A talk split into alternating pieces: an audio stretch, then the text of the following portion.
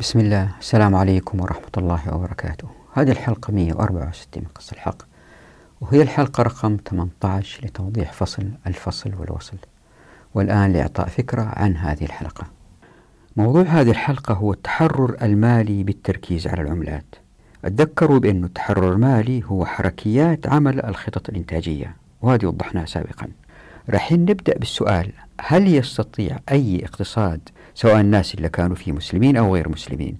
هل يستطيع الاستغناء عن المعادن الثمينة كالذهب والفضة وذلك من خلال التوثيق المتبادل واللي وضحناه في حلقة سابقة؟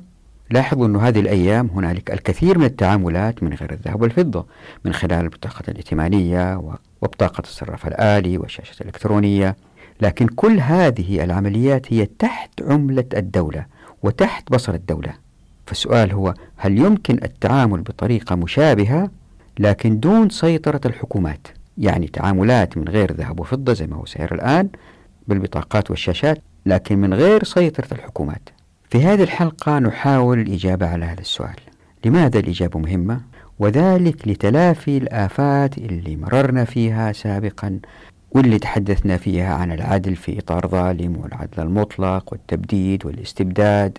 والمصيبتين والآفتين كل هذه المسائل السلبية الكارثية التي أثيرت سابقا كنت بحاول أقنعكم أنها هي بسبب التسلط والذي يؤدي إلى بيروقراطيات والذي يفتح أبواب الرشاوي ويفتح طرق جديدة لاستغلال الناس وهذا ظلم. فإذا كانت الإجابة على السؤال بأنه يستحيل إيجاد نظام مالي من غير الدولة أنه في الحالة هذه لابد الجميع يعتمد على الذهب والفضة أو أي معدن ثمين آخر يستطيع منه الناس أن يثقوا بالتبادل بينهم ويستطيعوا من خلاله تثمين الأشياء فإذا كان هذا مستحيل يعني من غير دولة السؤال هو لأي مدى نحتاج الذهب والفضة أو أي معدن ثمين آخر في ظل نظام مالي لا يخضع للسلطات؟ يعني قديش نحتاج معادن ثمينة؟ طبعا كل ما ازدادت الثقة بين المنتجين يقل احتاجهم للذهب والفضة. يعني إذا أخذنا قرية صغيرة مثلا الكل يعرف الكل والكل يثق في الكل وكل بيت ينتج سلعة معينة مثلا وكل هذه السلع تكمل بعض حتى تسوي السلعة الأكبر. إذا الكل يثق في الكل ما يحتاجوا بين بعض يتبادلوا بأي ذهب وفضة. فقط يدونوا إلا لهم إلا عليهم. لما يبيعوا المنتج النهائي اللي سووه لجهات أخرى مثلا لقرى أخرى عندها يأخذوا الذهب والفضة. وبكذا يقل الاعتماد على الذهب والفضة. فالحلقة هذه تركز على الثقة المطلوبة بين المنتجين وبين الحاجة للعملات من ذهب وفضة. وعلاقة هذا بالتحرر من السلطات. ليه؟ لأن التحرر يجذ البيروقراطية ويجذ الهدر والاستعباد. هنا يظهر ميزان بحاجة لدراسة وهو الميزان بين استنزاف المجهود البشري في البحث عن المعادن حتى تستخدم لتوثيق التعاملات بيع وشراء وما تحتاجه هذه المعادن من صك وخزن وما إلى ذلك وبين التحرر من هذه المعادن لاستحداث الثقة. فالمعادن إذا كان شغلتها استحداث الثقة بين الناس هل في طريقة أن المجتمعات تزيد الثقة بتخفيف الاعتماد على المعادن الثمينة؟ وبكذا يمكن يتحرر المجتمع إذا كان استمر التوثيق المتبادل ونجح أنه يبحث عن هذه المعادن الثمينة اللي استخدمها في الصناعات مثل الحاسبات الآلية وغيره مع تخفيف استخدامها في التوثيق المتبادل لأن الحياة بتقدم الزمن بتعتمد أكثر على الصناعة وأي شيء مصنوع هو مكون من أشياء أصغر منه وهذه الأشياء حتى تصنع تحتاج مواد خام وما إلى ذلك. كل هذه بحاجة إلى تبادلات مالية يوميا. فإذا قدرت المجتمعات أنها تحول هذه التبادلات اللي ما فيها ثقة وتعتمد على الذهب والفضة أو الدولار أو اليورو إذا قدرت تتخلى عنها إلى توثيق يعتمد على أقل حاجة ممكنة من الذهب والفضة المجتمع يكون وفر كثير من طاقاته لما تحتاجه المجتمعات في الضروريات.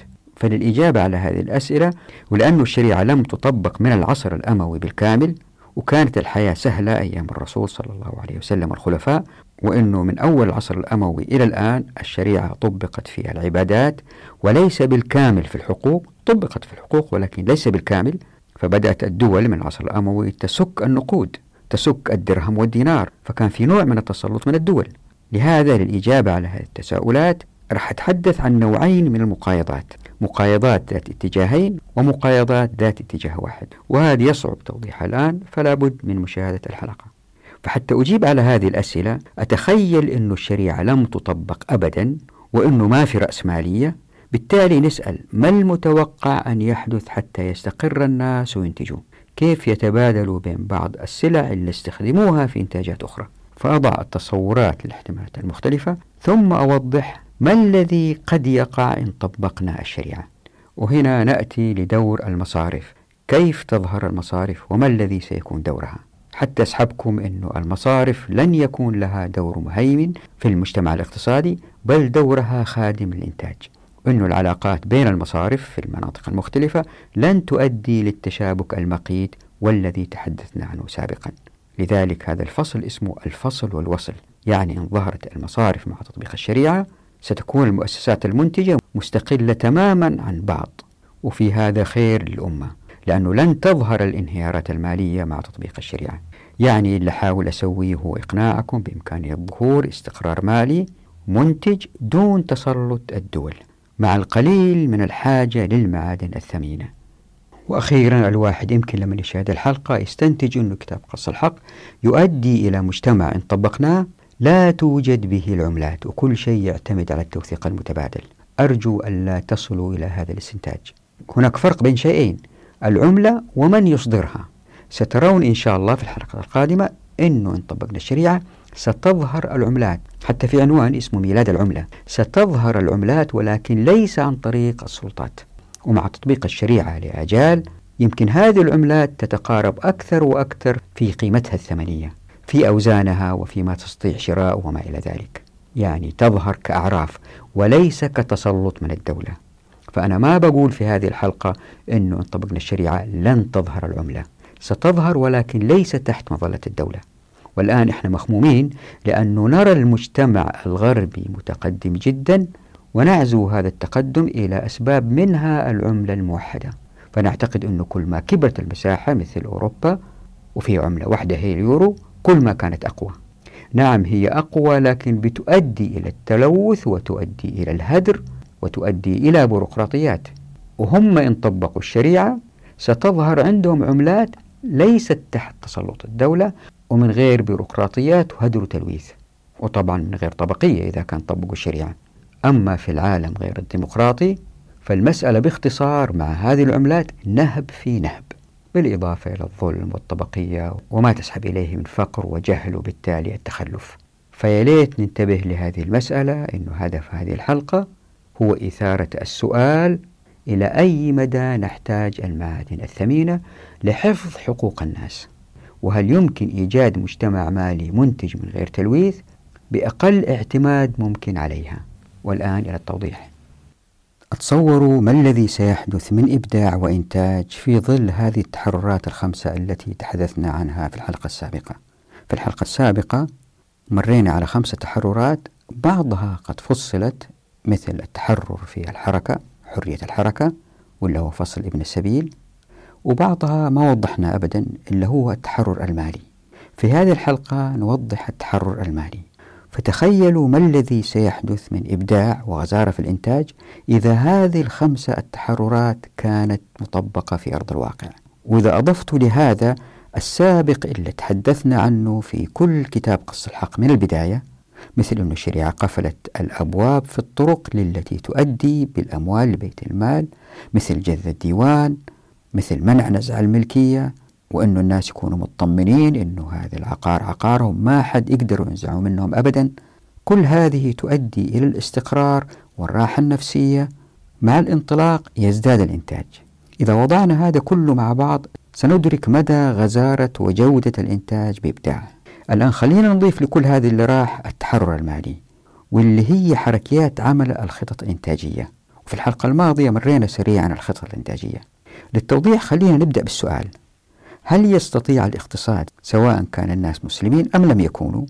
هل يستطيع الاقتصاد الاستغناء التام عن الذهب والفضة من خلال التوثيق المتبادل كما هو حاصل في أيامنا هذه من خلال التعامل بالشيكات والبطاقة الائتمانية والشاشات الإلكترونية ولكن دون تسلط الدولة. الآن كل هذه التبادلات تحت ظل الدولة بمعرفة الدولة وتحت أنظمة وقوانين الدولة. فهل نستطيع إيجاد اقتصاد يستغني عن الذهب والفضة ودون تسلط الدولة إذا كان مستحيل يظهر سؤال آخر. إلى أي مدى إذا يستطيع الاقتصاد الاستغناء عن الذهب والفضة في ظل نظام مالي لا يخضع بل لا يمت للدولة بصلة إن أريد للاقتصاد أن يتحرر من سلطان الدولة؟ والإجابة هي قد يستغني الاقتصاد عن الذهب أو أي من العناصر الثمينة. يا أخواتي وإخوان عندما أقول ذهب لا يعني الذهب بعينه. ولكن يعني أي مادة ذات قيمة الواحد يقدر ينقلها من إيد إلى إيد وعندما تنتقل تنقل معها القيمة من إيد إلى إيد. فإن لم يستطع الاقتصاد الاستغناء عن الذهب أو الفضة أو غيره فإن هذا سيكون على حساب سيطرة الحكومات على الاقتصاد.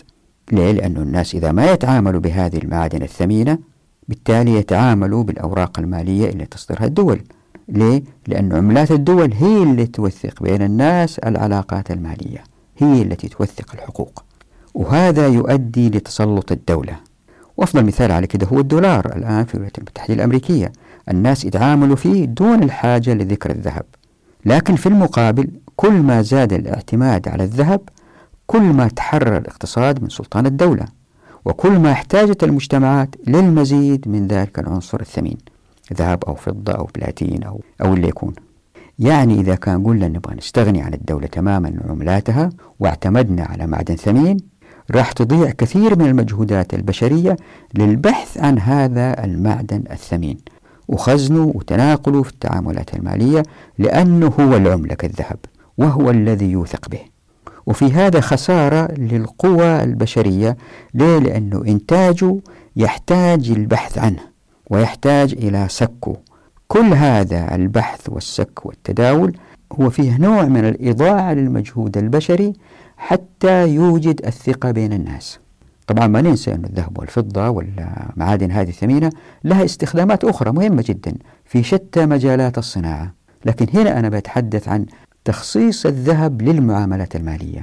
يعني شوفوا مثلا البنوك المركزية كيف بيخزنوا فيها الذهب. يعني عندنا مشكلة. فما هو العمل إذا حيال هذا الميزان بين التحرر بالاعتماد على عنصر ثمين وبين تقليل المجهود البشري في الانشغال بالبحث عنه وسكه؟ هذا اللي راح نحاول نبينه في هذه الحلقة والحلقة القادمة بإذن الله. يعني هل يمكن القبول بعبء التعامل بعنصر ثمين والذي لا بد منه والذي يؤدي للتحرر بالضرورة؟ لأنه ما بنعتمد على الدولة. وكيف يمكن تخفيف الاعتماد عليه دون فقدان ذرة من التحرر؟ هذا هو السؤال. قبل الإجابة على السؤال لابد من هذا التوضيح. زي ما راح تشوفوا إن شاء الله في الحديث عن البيوع الشريعة أوجد حركيات تؤدي إلى تحرير البائع والمشتري أحيانا من التعامل بالنقد. مثل بيع عين بعين عين بدين عين بمنفعة. سيأتي توضيح إن شاء الله بإذن الله. يعني في حركيات تحرر. لكن قبل هذا خلينا أول شيء نتخيل أنه في مجتمع بشري وما في شريعة طبقت ولا في أنظمة وقوانين أو اقتصاد معاصر طبق. يعني الناس بادئين حياتهم عشان ينتجوا من غير أنظمة وقوانين عشان نفهم إيش اللي يمكن يسووه. وهذه مسألة صعبة لي لأنه إذا حاولت أبينها إلا بيصير أنه بعضكم مغروس جدا في النظام المالي الحالي وصعب جدا يخرج منه. ليه؟ لأنه ما فكرنا بطريقة مختلفة. لذلك ستظهر لكم الكثير من الأسئلة يا ريتكم تصبروا وتكتبوها وتخلوا على جنب وفي الحلقات القادمة إن شاء الله حاول أجيب عليها. وأنا متأكد إلا تابع قصة الحق من البداية وهو ماشي معنا راح يستنتج هو بنفسه الإجابة إن شاء الله بإذن الله. فهذه المسألة يبغى لها نوع من الصبر. في نوعين من المقايضات. الأول هو مقايض ذات اتجاهين يعني مقايض أربع زجاجات بحقيبة جلدية مثلا. وفي هذه الحالات يمكن استغني المتقايضين عن النقد. ما يحتاج الفلوس لا ذهب ولا فضة ولا دولار ولا يورو ولا شيء. وفي هذا تحرر كبير لهم من الدولة. ولكن مع تقييد كبير جدا في الخيارات.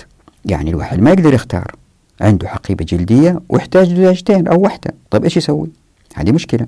وطبعا هذه من أساسيات الاقتصاد ومعروف لكل الناس وليس الاقتصاديين فقط. لكن إن كانت المقايضة بسلعة مقابل الذهب أو أي معدن ثمين آخر والناس يعرفوه ويتداولوه كعملة مثلا فإن في هذا منتهى التحرر من الدولة بالإضافة للخيارات الأوسع في التقايض ولكن مع عبء التعامل بالذهب الذي له سلبياته المعروفة مثل صعوبة حمله في الصفقات الكبيرة جدا وإمكانية الغش في تغيير وزنه ونقائه. وإذا تتذكروا أثرت هذه الصعوبات في حلقة ماضية. فاللي يصير بالتعامل بالذهب أو الفضة أن كل مقايضة تنتهي مباشرة بعد التبادل وتنقطع بذلك العلاقة المالية بين الطرفين المتبادلين. وفي هذا راحة نفسية لهما وتحرر أكبر لأن كل طرف على علم تام بما لديه من إمكانات وموجودات وما هي حاجة السوق لمنتجه. فالتعامل بالذهب كنقود يعيد أثمان المنتجات كلها إلى مقياس واحد من خلال السوق. وهذا هو الأمثل إن لم تكن الثقة بين المتعاملين قد ظهرت بعد. يعني اثنين ما يعرفوا بعض ما تعاملوا مع بعض أفضل وسيلة هي خذ وهات فالنقد لابد منه. لكن هذا النظام من التقايد يحتاج الكثير من الذهب كمية وضبطا إن لم توجد الثقة. لكن إن وجدت الثقة اثنين يتعاملوا مع بعض بكثرة. في هذه الحالة ستنخفض الحاجة للذهب. خلينا نضرب مثال. خلينا نقول بأنه في تاجر يستورد الساعات ويبيع في محله الساعات زائد الإلكترونيات. وجاره إلا جنبه. يستورد الإلكترونيات ويبيع أيضا بالإضافة للإلكترونيات يبيع ساعات. يعني كل واحد من الاثنين يأخذ من الآخر ما لا يستورده ليبيعه في محله. في هذه الحالة إذا الاثنين وثقوا ببعضهم كل واحد راح يسجل إلا له في ذمة الآخر دون تبادل أي عملة كل يوم. ويجوا كل فترة وأخرى يصفوا هذه المستحقات بينهم إلا له عند الثاني شيء يقول له خذ وهات. يعني ما في تبادل يومي للنقد بينهم. هم جارين وعارفين بعض وتبادلوا بين بعض خذ ساعات هات إلكترونيات نصفي إلا بيننا آخر الشهر. وحتى إذا كان جاء آخر الشهر يمكن ما صفوها. واحد يقول للثاني ترى لي عندك ما مقداره كذا ذهب أو كذا فضة. واستمروا مع بعض من غير ما ياخذوا ويعطوا ذهب وفضة. في توثيق متبادل. قلت إنه في نوعين من المقايضات النوع الثاني هو مقايضة ذات اتجاه واحد وهذه هي الهم والأكثر انتشار في علم الإنتاج. وبالذات إن طبقنا الشريعة. ليه؟ لأن المنتجين عادة ما يستوردون موادهم من جهات غير الجهات التي يصدرون لها. مثلا يقوم صانع العجلات باستيراد المطاط من مصنع بينما يصدر العجلات بعد صنعها لمصنع آخر. وهذه الحالة هي الأمثل بالطبع للمجتمع في الإنتاج إن وجدت الثقة لأنها تحرر المتعاملين الذين وثقوا ببعضهم. طبعا هذا بسبب استمرار التعامل فيما بينهم ودون تداول الذهب. وطبعا في هذه الحالة فإن البيئة الإنتاجية بحاجة لوحدات من العناصر الثمينة أو أي وسيلة أخرى لتثمين المنتجات لضبط التبادل التجاري. يعني ما في ضرورة لتبادل المنتجات بالذهب أو أي نقد آخر ولكن الضرورة هي لتوثيق قيمة ما تم تبادله بتثمينه بوحدات ذهبية مثلا. يعني ما يتبادلوا بين بعض الذهب والفضة. لكن يقول له لي عندك ما مقداره كذا جرام ذهب أو ربع كيلو فضة مثلا. وبكذا رغم أنه الظاهر يتعاملوا بالذهب هم ما بيستعملوا ذهب. بكذا تضمحل الحاجة للذهب. فهذا الصانع لعجلات الدراجات مثلا يبادل كل ألف عجلة أو كل عشر آلاف عجلة بما يساوي كذا كيلو جرام من الذهب أو نصف كيلو جرام من الذهب. في تفصيل يأتي لاحقا إن شاء الله كيف الذهب يتفصص لأجزاء أصغر. وذاك الصانع يبادل كل 100 طن من الألمنيوم بما يعادل كذا كيلو جرام من الفضة مثلا. وهكذا. طيب الآن نحتاج شوية تركيز. الآن في هذه المقايضة ذات الاتجاه الواحد في احتمالين. الأول هو أن تتم المقايضة من خلال المصارف. مقابل رسوم مالية تدفع للمصرف لقاء هذه الخدمة. وفيه تنتقل قيمة الوحدات الذهبية بين المنتجين بإيصالات كمعيار للقيمة على مصارف محلية دون نقل الذهب بالضرورة. وهذه الإيصالات هي لأثمان محددة مقابل الذهب لحفظ الحقوق. فللصانع زيد مثلا ما قيمته نصف كيلوغرام ذهب في ذمة التاجر عبيد بالإيصال فئة كذا. يعني يجي المصرف يسوي إيصالات هذا الإيصال يوازي عشر كيلو ذهب وهذا الإيصال يوازي خمس كيلو ذهب وهكذا. فالمصرف إذا لا بد وأن يمتلك مقابل هذه الإيصالات مخزونا من الذهب أو من أي عنصر ثمين آخر ليحق له إصدار هذه الإيصالات. وهذا اللي صاير الأيام هذه في البنوك إلا أنه بالدولار وليس بالذهب والفضة. يعني هو بالنقد إلا تصدر الدول. هنا في هذه الحالة في خطورة احتمال قيام المصرف بإصدار إيصالات لا رصيد لها لعدم وجود سلطة تستطيع مراقبة هذه المصارف. وهذه إن وقعت فهي سرقة. يعني هذا ظلم زي ما وضحت سابقا لأنه قد يؤدي للتضخم. لاحظوا أنا قلت قد. ليه؟ لأنها لن تؤدي للتضخم في الغالب لأن من يتعاملون مع هذا المصرف هم فئة من الزبائن وليس كامل المجتمع قهرا كما هو حال البنك المركزي الذي يصدر النقد. يعني إذا قام مصرف بطبع المزيد من الإيصالات إيصالاته هي التي يستفقد قيمتها للسوق لكثرتها. وانفضح إذا جو مجموعة من الزبائن فجأة قالوا له هذا الذهب اللي نحتاجه لأنه ما عنده ذهب فهو بيصدر إيصالات من غير ذهب. بالتالي ينفر من المتعاملون فيفقد مصداقيته فيخرج من السوق. وهذا في صالح المجتمع. لكن إذا قامت هذه المصارف فقط بالتنسيق بين المنتجين بالتوثيق المتبادل دون مقدرتها على إصدار إيصالات صالحة للتبادل بين جميع الناس بل فقط ضبط المستحقات والحسابات بين المنتجين عندها فإن خطر التضخم قد زال تماما. لكن الإشكالية هي في السؤال كيف راح يضمن الصانع أو التاجر حقه لأن التوثيق المتبادل توثيق ذو اتجاه واحد ولا عنصر ثمين في يد الصانع أو التاجر إلا الوعد بالسداد وهذا هو المهم وهذا يؤدي للاحتمال الثاني. والاحتمال الثاني في المقايضة ذات الاتجاه الواحد هو التبادل بين المنتجين مباشرة فيما بينهم دون الاستعانة بالمصارف. هم يثقوا في بعض هم يتبادلوا بين بعض.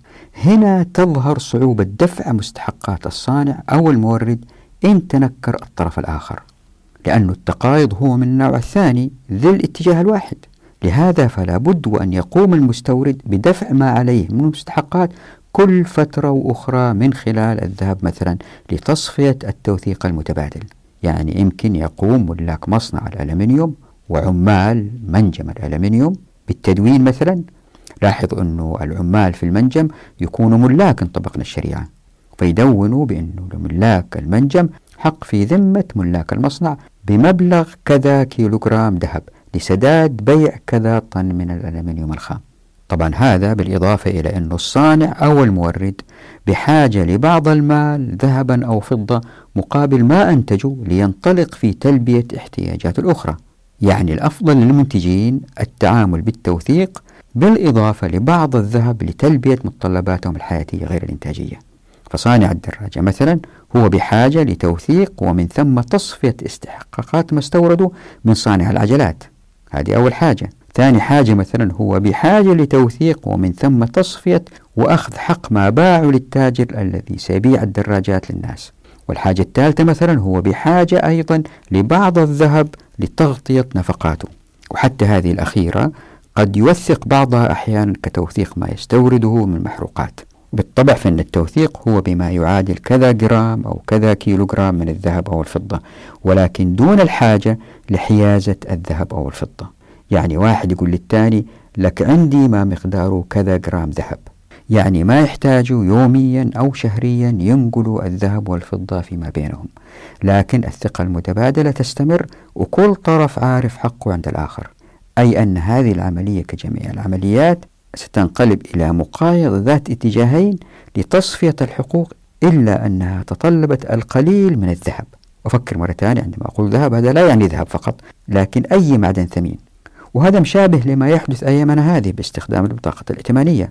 فالناس بيشتروا ويبيعوا إلكترونيا دون لمس النقود إلا أن هذه العمليات ربوية من جهة وتهيمن عليها البنوك تحت أنظمة الحكومات باستخدام وحداتها النقدية جبرة من جهة أخرى. واللي بحاول أبينه هنا هو التوثيق المتبادل بين المنتجين والمستهلكين وما إلى ذلك دون الربا ودون هيمنة الدولة أو المصارف وبذهب أقل وهذا هو التحرر. كيف؟ طيب الآن خلينا نلخص. يعني الحاجة للذهب والفضة أو أي معدن ثمين آخر في معظم العمليات الإنتاجية هو للثمنية. أي للعمل كمعيار للقيمة لتوثيق الديون وليس بالضرورة لحيازة هذه المعادن إلا لتصفية الحقوق. كل فترات متباعدة. وبكذا تضمحل الحاجة لهذه المعادن الثمينة فلا يقفز سعرها. أي وكأن هذا الصانع يقول لذلك المزارع لقد وضعت في سجلاتي أنني استوردت منك هذا الشهر حليبا بما مقداره خمس كيلو جرام ذهب. وهكذا. وحتى تستمر هذه العلاقة المالية بين المنتجين يجب ألا تظهر الخلافات لكي يستمر الإنتاج والذي هو في مصلحة الطرفين يعني المصدر والمستورد أو البائع والمشتري. وهذه مسألة محورية مهمة جدا. ليه؟ ويريتكم تتذكروها باستمرار لأن ظهور الخلاف منطقيا سيعرقل أو حتى يوقف الإنتاج تماما. وفي هذا ضرر على الأطراف اللي بينهم توثيق متبادل.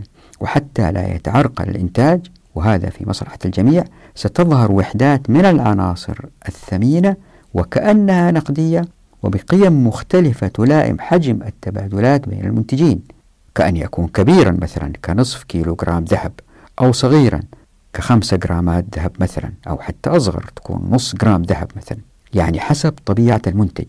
أو قد تأخذ هذه الوحدات أسماء تتعارف عليها الجماعة المنتجة فيما بينها. أو قد تظهر إيصالات للتوثيق ولكن بقيم مختلفة لكل صفقة. فعلى الصانع باء أن يسدد الصانع كاف مثلا ما قيمة كذا وحدة ذهب أو كذا جرام ذهب. وعلى الصانع كاف أن يسدد الصانع ميم ما قيمة كذا وحدة فضة أو كذا جرام من فضة. يعني نحتاج إلى نوع من الأعراف حتى تظهر. وهكذا من تبادلات بين جماعة في خطة وعدة خطط وليست بالضرورة خطط متجاورة لأنها خطط إنتاجية وليست مكانية ولأنها خطط إنتاجية وخطط مستقلة لأنها حرة في جميع قراراتها المالية والمكانية وتتكاتف لتشكل خطة إنتاجية. عندها كل خطة بها جماعة تعمل شراكة لمنتج ما بكل حرية وهذا هو المهم. أي الحرية المالية بين جماعات تتعامل فيما بينها باستمرار وبتراضي لتوجد خطة إنتاجية. هنا تذكير سريع التوثيق المتبادل شرحناه في حلقة ماضية. الآن لاحظ أن المقايضة في اتجاه واحد وهذا يعني تراكم الديون على المشتري وعليه تصفيتها بدفع ما عليه. خلينا نوضح هذه المسألة لأهميتها. زي ما وضحت قلت في احتمالين لقفل الدائرة يعني الدائرة المالية. الأول من خلال المصرف والذي يتعامل مع عدة منتجين لقفل الدائرة. فمثلا لصانع العجلات كذا ذهبا في ذمة صانع الدراجات وعليه كذا ذهبا لذمة مصنع المطاط. فيأتي المصرف لقفل الدائرة يعني تصفية حقوق صانع العجلات بخصم ما عليه مما هو له. فيظهر فائض بالطبع لأن صانع العجلات ما عمل إلا ليربح. فيقوم المصرف بتسجيل الفائض له ثم سدادها له ذهبا متى أراد صانع العجلات ذلك. وبهذا تقل الحاجة للذهب لأن التعويض بالذهب أتى في المراحل الأخيرة للإنتاج. يعني الحرية قد تؤدي إلى ظهور مؤسسات نقدية صغيرة تصدر إيصالات أو شيكات أو وحدات نقدية ورقية أو معدنية لحفظ ونقل وتصفية المستحقات بين هذه الجماعات مقابل رسوم مالية لهذه الخدمة. وليس بالضرورة بحيازة عنصر ثمين لأن العلاقة مستقرة بين هذه الجماعات. تذكروا أن العلاقة لابد وأن تكون مستقرة وبالتراضي. إن أريد للإنتاج أن يستمر لأن هذا في مصلحة جميع الأطراف المنتجة للتعامل دون تناقل معدن ثمين بشكل مستمر. طبعا بالتأكيد الخطة الإنتاجية لن تستطيع الاستمرار بالتوثيق المتبادل دون الذهب في المراحل الأخيرة من الإنتاج لأن المنتج النهائي كالدراجة مثلا يجب أن يباع للتجار الذين يدفعون الذهب مقابل الدراجات ليوزع الذهب بين الشراكات المختلفة. وبكذا تقل الحاجة للذهب. يعني مثلا أنا مع جماعة نشتغل في خطة إنتاجية ونصنع شيء محدد تحتاجه السلعة اللي تنتجها هذه الخطة الإنتاجية وما في داعي كل يوم ننتج وناخذ مقابله ذهب أو فضة أو دولار أو شيء. لا نوثق نوثق نوثق. وكل فترة وأخرى نحتاج فلوس نقول أعطونا نقد حتى نستخدمه في النفقات الأخرى. والاحتمال الثاني لقفل الدائرة هو أن ينتشر بين المنتجين الاعتماد على الحوالة وهذه حركية وضعتها الشريعة لينقل المديون الديون التي عليه من ذمة جهة إلى جهة أخرى. وهذه الحركية إن شاء الله ستأتي بتفصيل أكبر في فصل البركة إن شاء الله بإذن الله.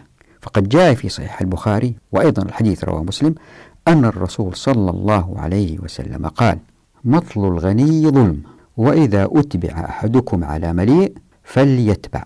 يعني إذا كان جاء بكر اطلب من الإنسان مال هو كان أعطاه هو من أول كدين هذا الإنسان يمكن يقول لبكر روح خذ فلوسك من عمر لأنه أنا لي فلوس عند عمر.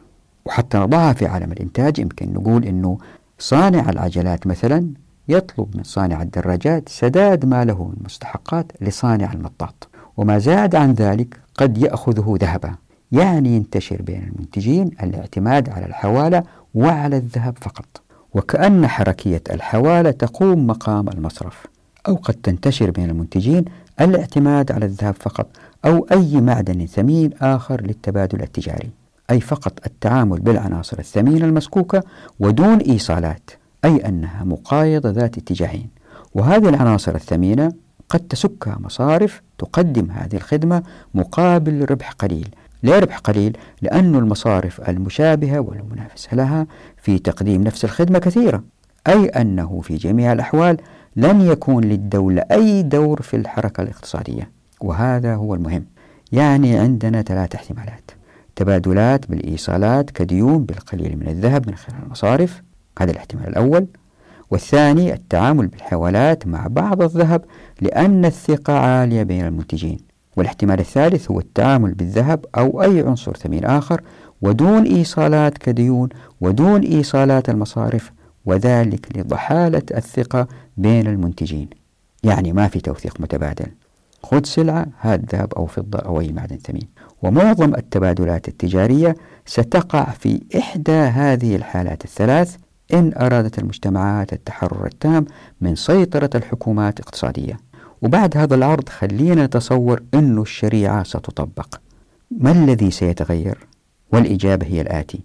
حتى تضبط الشريعة التعاملات لتخفيف الخلافات بين المنتجين ولزيادة الكفاءة في الإنتاج والعدالة في التوزيع فهناك حركيات معجزة توجه الناس. حركيات معجزة لأنها ليست بحاجة للسلطات للتطبيق ولا تعتمد على الأنظمة بل تعتمد على تدافع المنتجين ليشق كل تدافع طريقا إنتاجيا جديدا فتتسع البيئة الإنتاجية أكثر بجذب المزيد من المنتجين لأن خيرات الأرض أكثر من أن يستهلكها البشر. وهذا اللي راح أحاول أبينه في الحلقات القادمة. ابتداء من هذه الحلقة. ومن هذه الحركيات مثلا الحوالة والوكالة ويمكن من أهمها ربا الفضل. كيف؟ ويمكن واحد يتساءل ويقول طيب إيش الفرق بين التوثيق المتبادل والبنوك المعاصرة؟ أقول الفرق كبير جدا لأنه البنوك المعاصرة سواء تتعامل بالنقد أو بالشيكات أو بالحوالات هي دائما تتعامل تحت مظلة الدولة لأنه بتتعامل بالعملات اللي تصدرها الدول. عشان كده في الحلقة الأولى من الفصل والوصل ركزت على التبديد والاستبداد مصيبتين آفتين وأنه في هذا ظلم لأنه يؤدي إلى البيروقراطية أيضا في ناس يشتغلوا من غير ما ينتجوا وكل البلاوي دي اللي تحدثنا عنها. هذه لأنه هذه المؤسسة المالية المعاصرة تشتغل بالنقد اللي تصدره الدول. هذا طبعا بالإضافة للأنظمة والقوانين التي تضعها الدول يعني ما في تحرر. لكن التوثيق المتبادل فهو بين أفراد وشركاء مستقلين دون وسيط وإذا كان في وسيط فهو من خلال مصرف مستقل وخادم للعملاء وعليه بعد موافقة العملاء أن يختار ما هو أمثل لنقل مستحقات المنتجين أما بالذهب أو الإيصالات أو بالحاسب الآلي أو أي وسيلة أخرى باتباع حركيات أوجدتها الشريعة مثل الحوالة والوكالة. وهذه سيأتي توضيحها إن شاء الله بإذن الله. وبكذا فإن المصارف ليست مؤسسات ذات يد عليا. هي ليست كالدولة ذات يد عليا بل هي مجموعة من الأفراد اللي بيشتغلوا في شراكة. هذه الشراكة هي خادمة للمنتجين يعني زيهم زي أي المنتجين في نفس المستوى. وحتى يستمر العمل والإنتاج لابد للناس من التراضي في المبادلات التجارية فيما بينهم. وهذه رح يأتي المزيد من التوضيح فيها بإذن الله في شرح قوله تعالى اللي في سورة النساء. أعوذ بالله من الشيطان الرجيم. يا أيها الذين آمنوا لا تأكلوا أموالكم بينكم بالباطل إلا إلا إلا أن تكون تجارة عن تراض منكم. ولا تقتلوا أنفسكم. إن الله كان بكم رحيما. دي الآية مرينا عليها سريعا في حلقة ماضية لكن سيأتي تفصيلها إن شاء الله. وهذا التراضي سيؤدي إلى ضبط عدد المصارف لأن المنتجين كثر في أطراف الأرض. بسبب فتح أبواب التمكين. كيف؟ الناس يعتقدوا أنه إذا كان في أمة من غير دولة تسيطر على المعاملات المالية الدنيا تصير فوضى. راح نثبت خطأ هذا الشيء. فإذا كانت في أمة والدولة فيها ما تسيطر على حركات الناس ولا الأموال اللي بأيديهم هذا سيؤدي للتنافس الممتع بين الناس على جميع أنواع الإنتاجات ومنها التنافس في تقديم الخدمات المصرفية كمهنة. واللي تحتاج لكل من أراد العمل فيها دون شروط مسبقة وبكذا تظهر المصارف التي تتنافس فيما بينها. يعني الوضع ليس كحالنا اليوم الواحد ما يقدر يفتح بنك إلا بعد ما يوفي آلاف الشروط ومع رأس مال كبير. فلأن الشريعة ما وضعت شروط اللي راح يشتغل في مصرف أو يوجد مصرف قد يأتوا جماعة من الأفراد ويشتغلوا مع بعض ويوجدوا مصرف. تذكروا الحلقات اللي تحدثنا فيها عن هذه المسائل في فصل الشركة. فتظهر مجموعة من الأفراد كشركاء يوجدوا مصرف. عندها المصداقية لن تأتي من قوة المالك ونفوذه كما هو حالنا اليوم اللي تسوي البنوك لكن تأتي من خدمة الحسنة المستمرة مع الزبائن. إذا المصرف خدمته جيدة مع الزبائن يسحب الزبائن. وبكذا المصارف تزداد وتنقص حتى تتزن لتصل للحد الملائم لخدمة الزبائن في الإنتاجات اللي في تلك المنطقة. فزي ما هو معروف في أي مهنة فإن قلة المصارف يعني أن المصرف يخدم عدد كبير من العملاء وعندها قد يفقد المصرف تميزه وتركيزه في تقديم خدمة مميزة. فيفقد الزبائن لمصرف آخر. وهكذا تتزن البيئة الاقتصادية بعدد من المصارف الخادمة بصدق وحرفية. ومن جهة أخرى هذه المصارف غير مرتبطة فيما بينها لأنها تخدم منتجين محددين في مواقع مختلفة. يعني يندر أن يكون لهذا المصرف علاقة مع مصارف أخرى في أماكن بعيدة إلا لحوالات بين مناطق مختلفة. هذه يأتي توضيحها. لكن الآن خلينا في هذه المصارف التي تخدم المنتجين في منطقة محددة. وبكده لأن هذه المصارف غير مرتبطة فيما بينها لن يحدث انهيار اقتصادي. لأن إفلاس مصرف ما سيؤثر فقط على عدد محدد من التجار أو الصناع ولن يرعب الأمة بانهيار اقتصادي جارف زي ما تحدثنا سابقا عن الانهيارات المالية بل سيكون تأثيره السلبي ضيق جدا ومفصول عن المجموع العام للحركة الاقتصادية لأن المصارف مفصولة عن بعضها البعض. عشان كده الناس سيحذروا من التعامل مع المصارف مقارنة بإحجامها فيبتعدوا عن المصارف الضخمة جدا لسوء المعاملة ولا بد ليش قلت ولا بد؟ لأن المصرف لما يكون كبير جدا أما الأفراد اللي فيه يكونوا كلهم اللي يشتغلوا فيه شركاء وهذه فيها نوع من الصعوبة تذكروا في فصل الشركة قلنا أن حركة الشريعة تؤدي إلى إيجاد أكبر عدد ممكن من الشركاء من غير خلافات وبيروقراطيات بينهم فبالتالي حتى يكون المصرف كبير لابد أنه يستأجر أفراد يشتغلوا عنده. وهؤلاء الأفراد لن يكون أداؤهم مرتفع مثل الملاك إلا بالمزيد من الحوافز والجلد وما إلى ذلك. وهذه كلها مع بعض تؤدي إلى وضع لن تستطيع فيه المصارف الكبيرة منافسة المصارف الصغيرة. لاحظوا أنا ما بقول أن المصارف الآن كلها يجب أن تكون صغيرة لا هي تكون في الحجم إلا ما تكون فيه بيروقراطيات. ومن غير خلاف بين الشركاء فاللي يؤمن التوثيق المتبادل بين المنتجين ويوجهه بحيث أنه ما حد يأكل حق الثاني هي هذه الأحجام من الشركات المصارف. وهذه الحركيات اللي هي تحدثنا عنها في فصل الشركة هذه الحركيات تعين على الاتزان المطلوب لعدد المصارف لأنهم إذا زادوا بعضهم يقول من غير شغل ولا يقلوا لأنه في طلب عليهم.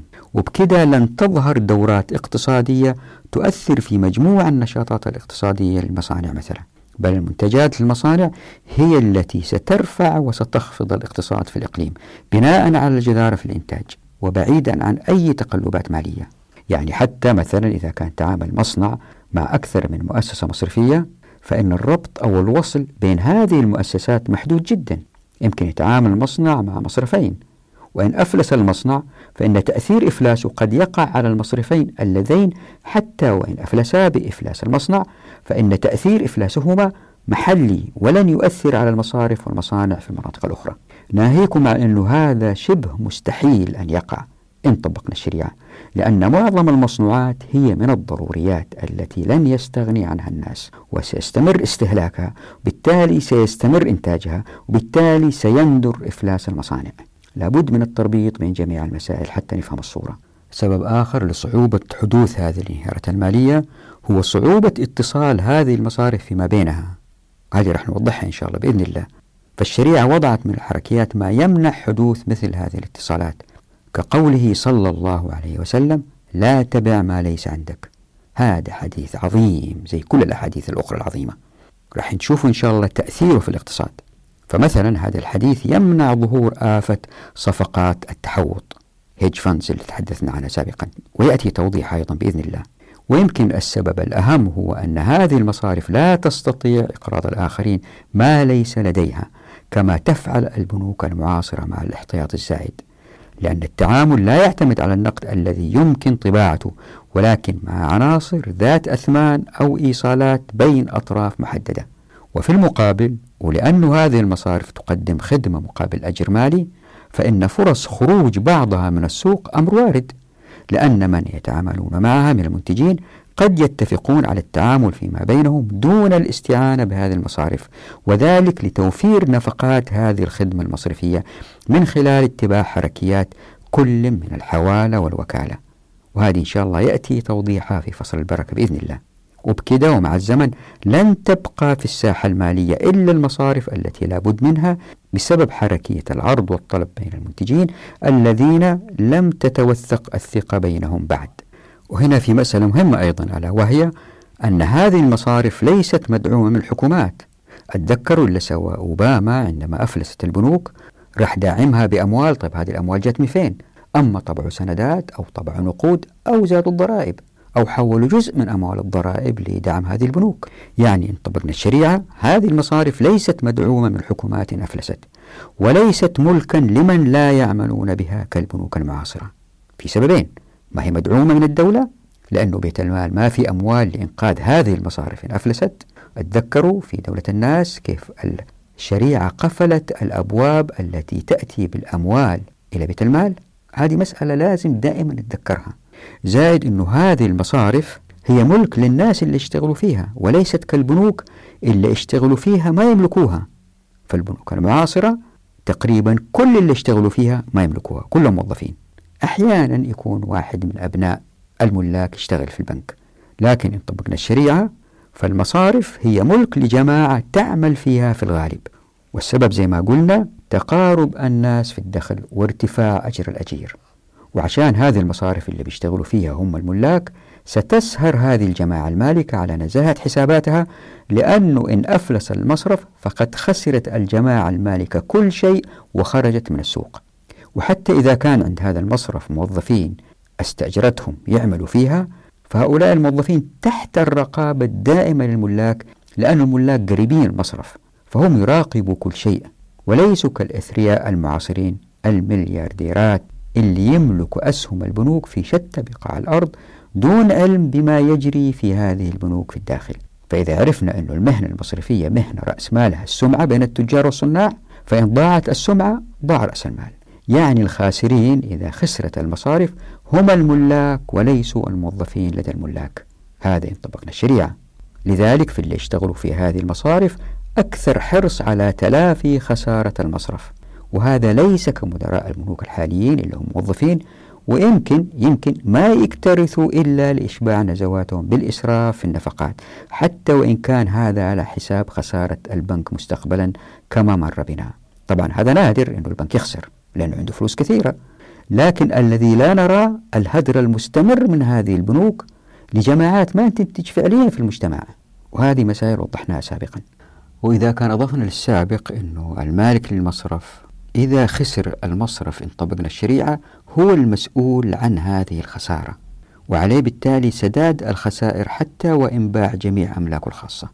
إذا وضعنا هذا في الاعتبار نستنتج أنه في هذا دافع كبير للملاك للمزيد من الحرص على التدقيق ومتابعة حسابات مصارفهم. وزي ما أنتم عارفين زي ما هو واضح أنه هذا ليس كالأنظمة المعاصرة والتي اتسمت بمؤسسات ومنها البنوك ذات المسؤولية المحدودة والتي تعني أن إفلاس البنوك لا تعني قط بيع أملاك الملاك الخاصة لسداد الخسائر. وأخيرا أذكر بحركيات الشريعة اللي تحدثنا عنها في فصل الشركة واللي بينت فيها أنها تؤدي لانتقال مدخرات الناس إلى الناس الآخرين مباشرة للاستثمار. يعني يمكن تذهب الأموال من ناس إلى الناس اللي استثمروها مباشرة دون المرور على وسيط. بالتالي زي ما بينا في فصل الشركة ستظهر الأعراف لتمحيص الناس. من هو أقدر للاستثمار؟ يعني ما في وسيط بين المدخرين والمستثمرين كما هو حال المجتمعات الرأسمالية التي تجمع فيها البنوك الأموال المدخرة لدفعها كقروض ربوية للمستثمرين. وفي هذا تخفيف أكبر لعدد المصارف في المجتمع. طبعا هذا لا يعني أنه لن تظهر المصارف التي تجمع بين المستثمرين والصناع طبقنا الشريعة. لكن مع سمو المجتمع وظهور الأعراف التي تشير إلى المستثمرين سيخف دور المصارف كوسيط. وهذه مسألة وضحناها في فصل الشركة وهي كيفية سمو المجتمع إنتاجيا جيل بعد جيل مع تطبيق الشريعة لجذ البيروقراطية تماما. والمصارف إن زادت عن حجمها في دورها في المجتمع تتخم ببعض البيروقراطيات اللي يمكن استغني عنها المجتمع. اتذكروا الذي تحدثنا عنه سابقا في الإنتاج المباشر وغير المباشر وكيف الشريعة تؤدي مع التطبيق مع الزمن. إلى أعمال كلها الإنتاج فيها إلى حد كبير إنتاج مباشر. يعني الوصف السابق هذا يشير إلى أنه لا يمكن الاستغناء التام عن الذهب والفضة. إن أريد للإنتاج الاستمرار دون تسلط الدول من خلال النقد. وما هذا إلا لأن الحياة الاقتصادية ليست مقصورة على التعامل بين المنتجين المتكاتفين في خطط متجاورة. ولكن أيضا مع واحد بعض التجار أو المؤسسات في أقاليم أخرى ومع اثنين تجار من نفس الإقليم لشراء محقرات المستهلكات مثلا. وفي هاتين الحالتين لابد من العناصر الثمينة للتبادل. ليه؟ لأن الإيصالات لن تفلح إلا إن ظهرت مؤسسة مالية تصدر إيصالات كالسفتجة اللي مرت فينا. وهذه الإيصالات يعتد بها في الأقاليم الأخرى أو إن ظهرت مؤسسات تصدر عملات يعتد بها لشراء صغار المستهلكات وفي نفس الإقليم. طبعا مثل هذه المؤسسة المالية قد تظهر ليستغنى عن الذهب والفضة ولكن بصعوبة بالغة. ليه؟ لأن الثقة في تجار الأقاليم الأبعد أمر صعب المنال. وكذلك الحال لإيجاد الثقة بين عدد كبير من الناس في نفس الإقليم. عشان كده سيصعب الاستغناء التام عن الذهب لنقل المجهودات بين الناس. طبعا ما ننسى حركيات ابن السبيل والتي تجعل البشر ينتشرون في أرجاء الأرض باستمرار من خلال شراكات الاغتنام. وهؤلاء اللي انتشروا في الأرض ولأنهم حديثي عهد بالمواقع لم تستقر العلاقات بينهم بعد فالثقة مهزوزة بينهم لحداثة استيطانهم. لهذا فإن الحاجة للذهب والفضة لن تنتفي. يعني لاحظوا في كل السابق أن الحاجة للعناصر الثمينة في المعاملات إن طبقنا الشريعة بالتدريج راح تضمحل. يعني يقل الاعتماد عليها أكثر وأكثر كل ما سمى المجتمع في إنتاجيته لأنه بتزداد الثقة بين الناس. فالهدف الأساسي للمعادن الثمينة هو استحداث الثقة. يعني كل ما زاد الاعتماد على التوثيق المتبادل في المناطق التي استقرت إنتاجية وطبعا هذه الأكثر بتقادم الزمن والناس بتتوثق بينهم المعاملات من خلال التبادل المستمر لأنهم بينتجوا أشياء محددة وبيكتسبوا خبرة في صناعتها. هذه تحتاج وقت طويل وتحتاج تبادل تجاري مستمر. سيظهر التوثيق المتبادل إن شاء الله بإذن الله. يعني بحاول أسحبكم إلى إقناعكم بإمكانية ظهور تبادلات تجارية مستقرة دون نظام مالي موحد في الأمة. وبالقليل من المعادن النادرة. يعني ما في حكومة تسيطر على كل النظام المالي. تظهر النظم المالية من تحت من الناس من تعاملاتهم. وبكذا فالمصارف وكأنها شر لابد منه للمنتجين لأنها تكلفهم. وبكذا فهذه المصارف هي شراكات خادمة على الدوام ولا تهيمن على الوضع الاقتصادي أبدا. يعني ليس كوضعنا الحالي. يعني اللي بحاول أوصل له إمكانية الاستغناء التام وبنجاح عن النظام النقدي الذي تسيطر عليه الحكومات. وذلك من خلال الاعتماد على التوثيق المتبادل وعلى القليل من العناصر الثمينة. طيب يمكن بعضكم يستنكر ويقول إيش هذا الباحث؟ بيذهب عكس ما يذهب إليه الناس. شوفوا أوروبا كيف تحاول المستحيل جاهدة لتجمع اقتصادها تحت مظلة عملة واحدة ألا وهي اليورو. أوروبا حتى تصل لليورو كانت في اجتماعات مستمرة مستمرة وداخوا ألين أوجدوا اليورو. وهذا جميل أكبر بيحاول يسوي العكس. قبل ما نشوف الشريعة كيف يمكن تشتغل خليني أعطيكم أول شيء فكرة عن اليورو. لأنه ما تحاول تسويه الشريعة حسب ما بحاول أبين أنه الشريعة تحرر الناس قدر المستطاع. وهذه العملات زي اليورو والدولار تحاول أنها تسيطر على الناس قدر المستطاع. طبعا هم مهمهم السيطرة لأن الشعوب ترفض السيطرة لكن إشكاليتهم في أنه يعتقدوا أنه ما في طريق آخر للتعاملات التجارية وبحرية إلا من خلال هذه العملات اللي بيصدروها وبيتفقوا عليها. فخلينا نمر سريعا على اليورو أول شيء وهي مسألة معروفة جدا يعني بس فقط الناس المتابعين اللي ما عندهم فكرة أبدا عن العملات وإشكالياتها لابد أني أعطي فكرة عن هذه المسائل. زي ما معروف أن اليورو هو العملة الموحدة للدول الأوروبية التي حاولت تذليل العقبات التجارية فيما بينها بعد الاتفاق على إنشاء السوق المشتركة. بكده أصبح اليورو هو عملة ل 17 دولة أوروبية وكان هذا حتى عام 2012 ميلادي. وهي الأيام اللي كتبت فيها هذه الصفحات. وفي دول لم تتمكن من تحقيق شروط الانضمام لليورو أو أن شعوبها لم توافق على الانضمام إلى السوق هذه المشتركة. ولتوحيد العملة قامت الدول الأوروبية بإيجاد منظمة الاتحاد الاقتصادي المالي EMU وبعد كده بالتنسيق بين الدول الأعضاء وضعت عدة شروط للانضمام لهذه المجموعة المالية. فلا بد من تحقيق هذه الشروط حتى ينضموا إلى هذه الوحدة. الآن عندهم مشكلة هم دول مختلفة وكل دولة عندها ميزانيتها. طب كيف يتعاملوا باليورو؟ حتى يستقر سعر صرف اليورو ليتناغم مع اقتصاديات الدول الأعضاء فلا بد من استقرار الاقتصاديات المحلية. لهذا ظهر البنك المركزي الأوروبي ECB ليتحمل مع البنوك المركزية للدول الأعضاء مسؤولية السياسات المالية. وكل دولة مسؤولة عن سياساتها الاقتصادية من حيث الموارد والنفقات على أن تكون هذه السياسات ضمن إطار الأنظمة والقوانين التي اتفقت عليها الدول الأعضاء. والمعروفة باسم اتفاقية ماستريخت والمعروفة أيضا باسم The Stability and Growth Pact. فالدول التي تريد تبني اليورو كعملة عليها تحقيق شروط منها ألا تزيد نسبة التضخم في الدولة التي تريد الانضمام عن واحد فاصلة خمسة نقطة مئوية مقارنة بمتوسط أقل تضخم لثلاثة دول من الدول الأعضاء في السنة السابقة. ومن الشروط أيضا أن يكون عجز الموازنة يساوي أو يقل عن 3% من مجموع الإنتاج القومي GDP ومنها ألا يزيد الدين العام عن 60% من مجموع الإنتاج القومي.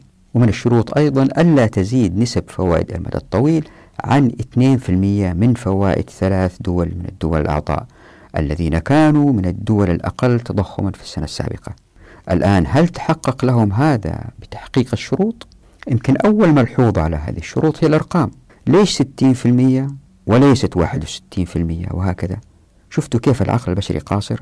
الذي حدث هو ألمانيا وفرنسا بسبب قوتهم الاقتصادية سيطروا على أهم السياسات النقدية وفرضوا ما اعتقدوا أنه الأفضل ولا وسيلة لذلك عند الاقتصاديين إلا عالم الأرقام وفي المقابل حرصت الدول الأخرى على الانضمام وانصاعت لما فرض عليها لدرجة أن اليونان زورت المعلومات المقدمة للانضمام لليورو ثم في السنة التالية لم تتمكن من الالتزام بما تعهدت به فكان الركود.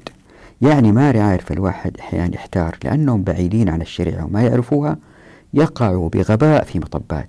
نحن لا نرى هذه المطبات لأنهم متقدمين تقنيا. يعني التقدم التقني اللي عندهم والتهذيب اللي عندهم غطى على الإشكاليات الاقتصادية. فنرى نجاحاتهم ونعتقد أنه أحد أسبابها الاقتصاد. وفي دول أوروبية أخرى تتمنى الانضمام إلى اليورو لكنها ضعيفة ماليا جدا.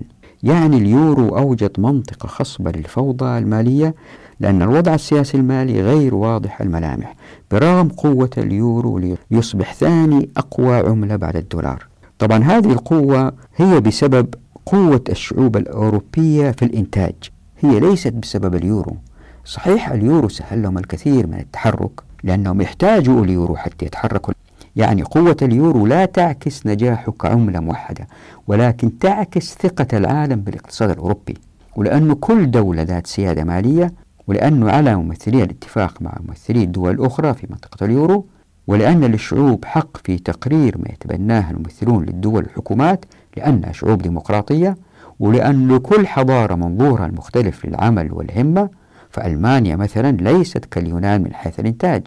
ظهر تخبط في السياسات النقدية مؤديا إلى ارتفاع نسب البطالة كما هو حادث في قبرص واليونان وإيطاليا وإسبانيا والبرتغال. لذلك نشر الكثير عن صعوبة الانضمام لليورو وعن أسباب تعثر الدول بعد الانضمام. ما في داعي أمر عليها لكن أذكر تخبط واحد بس عن سياسات هذه الدول والذي يدل على قصور العقل البشري. في باحثين واحد اسمه رينهارت والثاني اسمه روغوف والإثنين من جامعة هارفارد قاموا سنة 2010 ميلادي ببحث ظن كثير من اتخاذي القرارات وبالذات في منطقة اليورو على أن استنتاج هذين الباحثين حقيقة اقتصادية. إذا تتذكروا في حلقات ماضية وهذا معروف في علم الاقتصاد في صراع مستمر بين أتباع كينز وأتباع هايك عن دور الدولة في الاقتصاد. هايك ولا معاه يقول الدولة تتدخل أقل ما يكون. وكينز يرى أن الدولة لازم تتدخل في فترة الركود حتى ينتعش الاقتصاد. هذه مرينا فيه سابقا. لكن الباحثين هذول من هارفارد وكأنهم حسموا المسألة في هذا الصراع.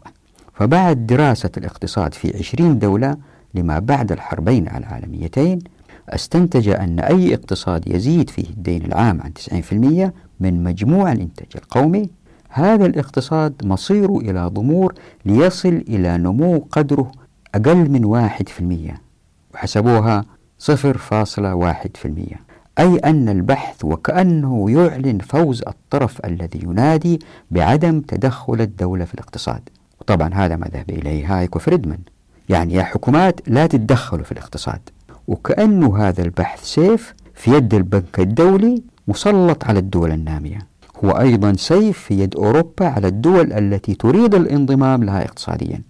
عشان كذا كان على الدول التي أسرفت في الإنفاق العام تذكرون الإسراف يصير بالمزيد من طبعا النقود وإصدار السندات. فهذه الدول التي أسرفت في الإنفاق العام عليها التقشف الشديد بتقليص نفقاتها لتقتصرها على الضروريات حتى تتمكن من الالتحاق بركب دول اليورو. واوضح مثال على هذا الذي حدث في ذلك الوقت في اليونان وإسبانيا من مشادات بين شعوب هذه الدول وحكوماتها بسبب التقشف.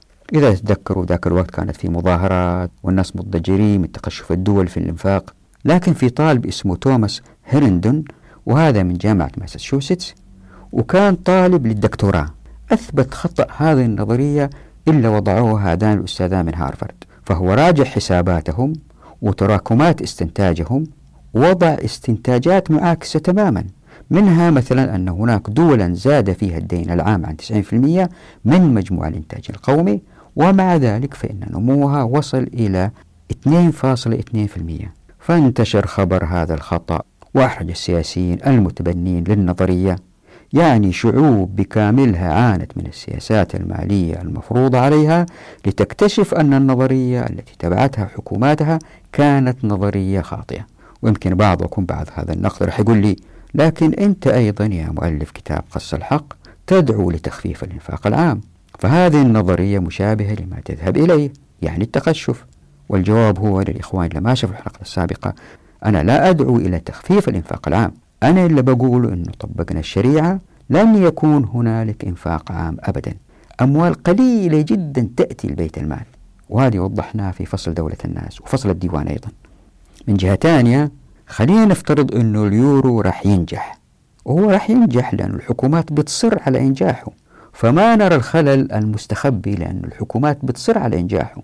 عندها فاليورو مثله مثل الدولار المؤدي للظلم لأن الدول تنفق ما لا تنتج. وهذه اللي بيناها في الحلقة الماضية في الحديث عن الآفتين والمصيبتين والتبديد والاستبداد والبيروقراطية وما إلى ذلك. ممكن واحد يقول بس يا جميل إيش هذا اللي بتقوله أنت؟ ما أنت شايف اليورو كيف؟ وحد أوروبا والناس بيتبادلوا العملات بيتاجروا بين بعض الكل مرتاح ما في مشاكل إيش الدوخة هذه اللي مدخلنا فيها؟ أوه شوف أمريكا كل أمريكا الشمالية متحدة بعملة واحدة تسهيل تسهيل في كل شيء. لماذا رفض هذه العملة الواحدة؟ حتى لو كانت تحت مظلة دولة وبتسيطر عليها وحتى لو كان في بيروقراطيين بيستهلكوا من غير ما ينتجوا برغم كل هذا في أمان وفي استقرار مالي. لماذا هذا التحدي للعملة؟ حتى أجيب وأقنعكم لابد أول شيء نمر في الحلقة القادمة ولا بعدها على خصائص العولمة العادلة أو العولمة التي تريدها الشريعة. بعد كذا نستشعر التحررات الخمسة اللي تحدثت عنها سابقا كيف تؤدي إلى إزدهار الاقتصاد. لذلك يجب أن نقف هنا نراكم على خير في أمان الله. دعواتكم.